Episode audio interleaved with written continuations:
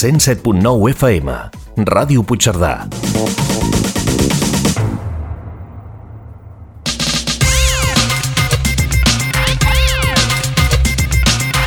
A la sintonia de Ràdio Puigcerdà, els dimarts a les 12 del migdia, Ciència en Colors, presentat per l'Enric Quílez, un programa de divulgació científica i tecnològica.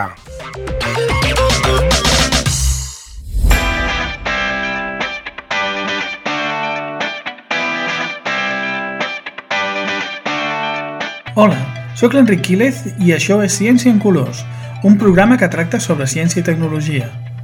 Avui tractarem sobre els virus.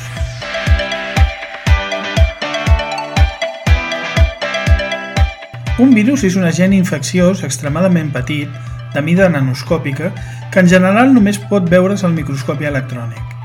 Aquest agent infecciós no pot reproduir-se per si mateix, a diferència d'una cèl·lula o d'un bacteri, per la qual cosa no es pot considerar estrictament un ésser viu. Per reproduir-se, li cal la maquinària bioquímica d'una cèl·lula.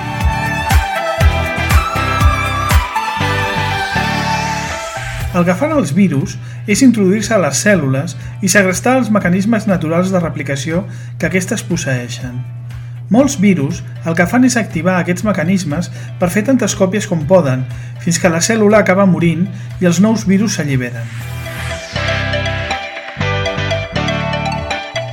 Els virus solen ser extraordinàriament simples. Tenen una càpsida, que és una mena d'embolcall, i un nucli, per dir-ne d'alguna manera, on es troba el seu material genètic. Hi ha virus basats en ADN i altres en ARN. Els basats en ADN tenen el material genètic disposat en una doble hèlix. Els basats en ARN poden ser monocatenaris, una cadena, o bicatenaris, dues cadenes enroscades similars a l'ADN. Els virus basats en ADN, un cop dins de les cèl·lules, s'insereixen dins de l'ADN del nucli de la cèl·lula i fan servir els enzims de transcripció per copiar-se i reproduir-se. Els virus basats en ARN, comun, comunment, fan servir els mecanismes que troben al citoplasma de la cèl·lula, ja que no poden fer servir directament l'ADN del nucli, ja que tenen estructures químiques diferents.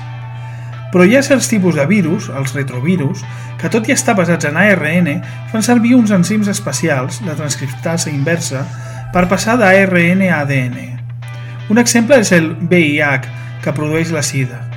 Gràcies a això s'han pogut desenvolupar fàrmacs com l'acidobudina que inhibeixen aquest procés i impedeixen la replicació del virus. En general, un virus pràcticament no té metabolisme, a diferència d'un bacteri. Això fa que sigui molt difícil combatre'ls amb fàrmacs. Una excepció és precisament la que acabem de comentar. L'altra possibilitat és estimular el sistema immunitari humà amb vacunes d'algun tipus que contenen pel general virus morts o atenuats o més modernament proteïnes del virus o altres parts d'aquests que fan que el cos humà els reconegui, generi anticossos i els pugui combatre de manera natural. Hi ha molts tipus de virus. Si els classifiquem per la seva càpsida, hi ha dos, hi ha dos grans grups, bàsicament. Els helicoidals i els icosaèdrics, per les seves formes, però hi ha altres formes. També hem dit que els virus són molt petits, però també s'han descobert virus gegants.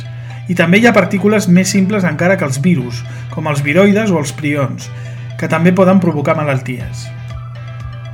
Els virus no només ataquen les persones o els animals, poden atacar les plantes o els bacteris. En aquest darrer cas s'anomenen bacteriòfags. Els virus són molt antics, tenen milers de milions d'anys i són paràsits de les cèl·lules i els bacteris. De fet, una part gens negligible del nostre genoma està formada per genoma d'antics virus que es van integrar al nostre ADN i que encara hi romanen, tot i que sense cap activitat aparent. Els virus, especialment els d'ARN, tendeixen a mutar moltíssim. El motiu és que mentre que els sistemes de rèplica de l'ADN són molt segurs i produeixen pocs errors, els sistemes basats en rèpliques d'ARN són molt més inestables.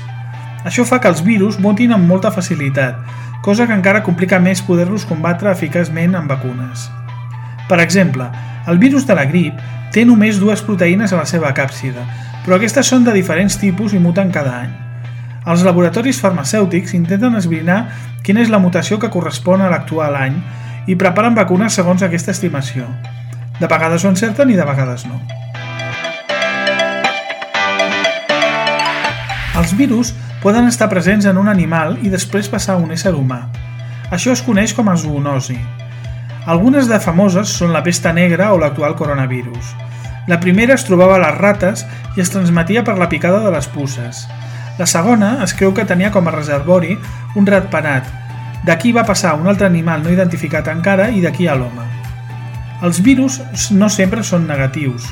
Es poden fer servir virus com a bacteriòfags per combatre altres malalties infeccioses produïdes per bacteris. També es poden fer servir en teràpia gènica. Suposem que volem substituir un gen defectuós d'una persona. Implantem el gen correcte en un virus inofensiu i fem que aquest virus modificat infecti la persona. El virus substituirà el gen defectuós pel gen correcte. Hi ha moltes esperances en aquesta teràpia, tot i que encara falta molt perquè sigui prou segura i eficaç, però podria ser la manera de guarir malalties actualment intractables com la Corea de Huntington. Els virus també poden produir càncer, com és el cas del virus del papiloma humà, que pot produir càncer de cèrvix o d'altres tipus. En aquest cas, gràcies al fet de ser un virus, hi ha una vacuna. En canvi, altres virus, com el VIH, no tenen encara una vacuna viable, tot i que fa dècades que hi investiguem. I fins aquí el programa d'avui. Al proper programa tractarem sobre la Covid-19. Si teniu consultes sobre el món de la ciència i la tecnologia, feu-nos-les arribar al mail grup arroba recercacerdanya.org i mirarem de respondre-les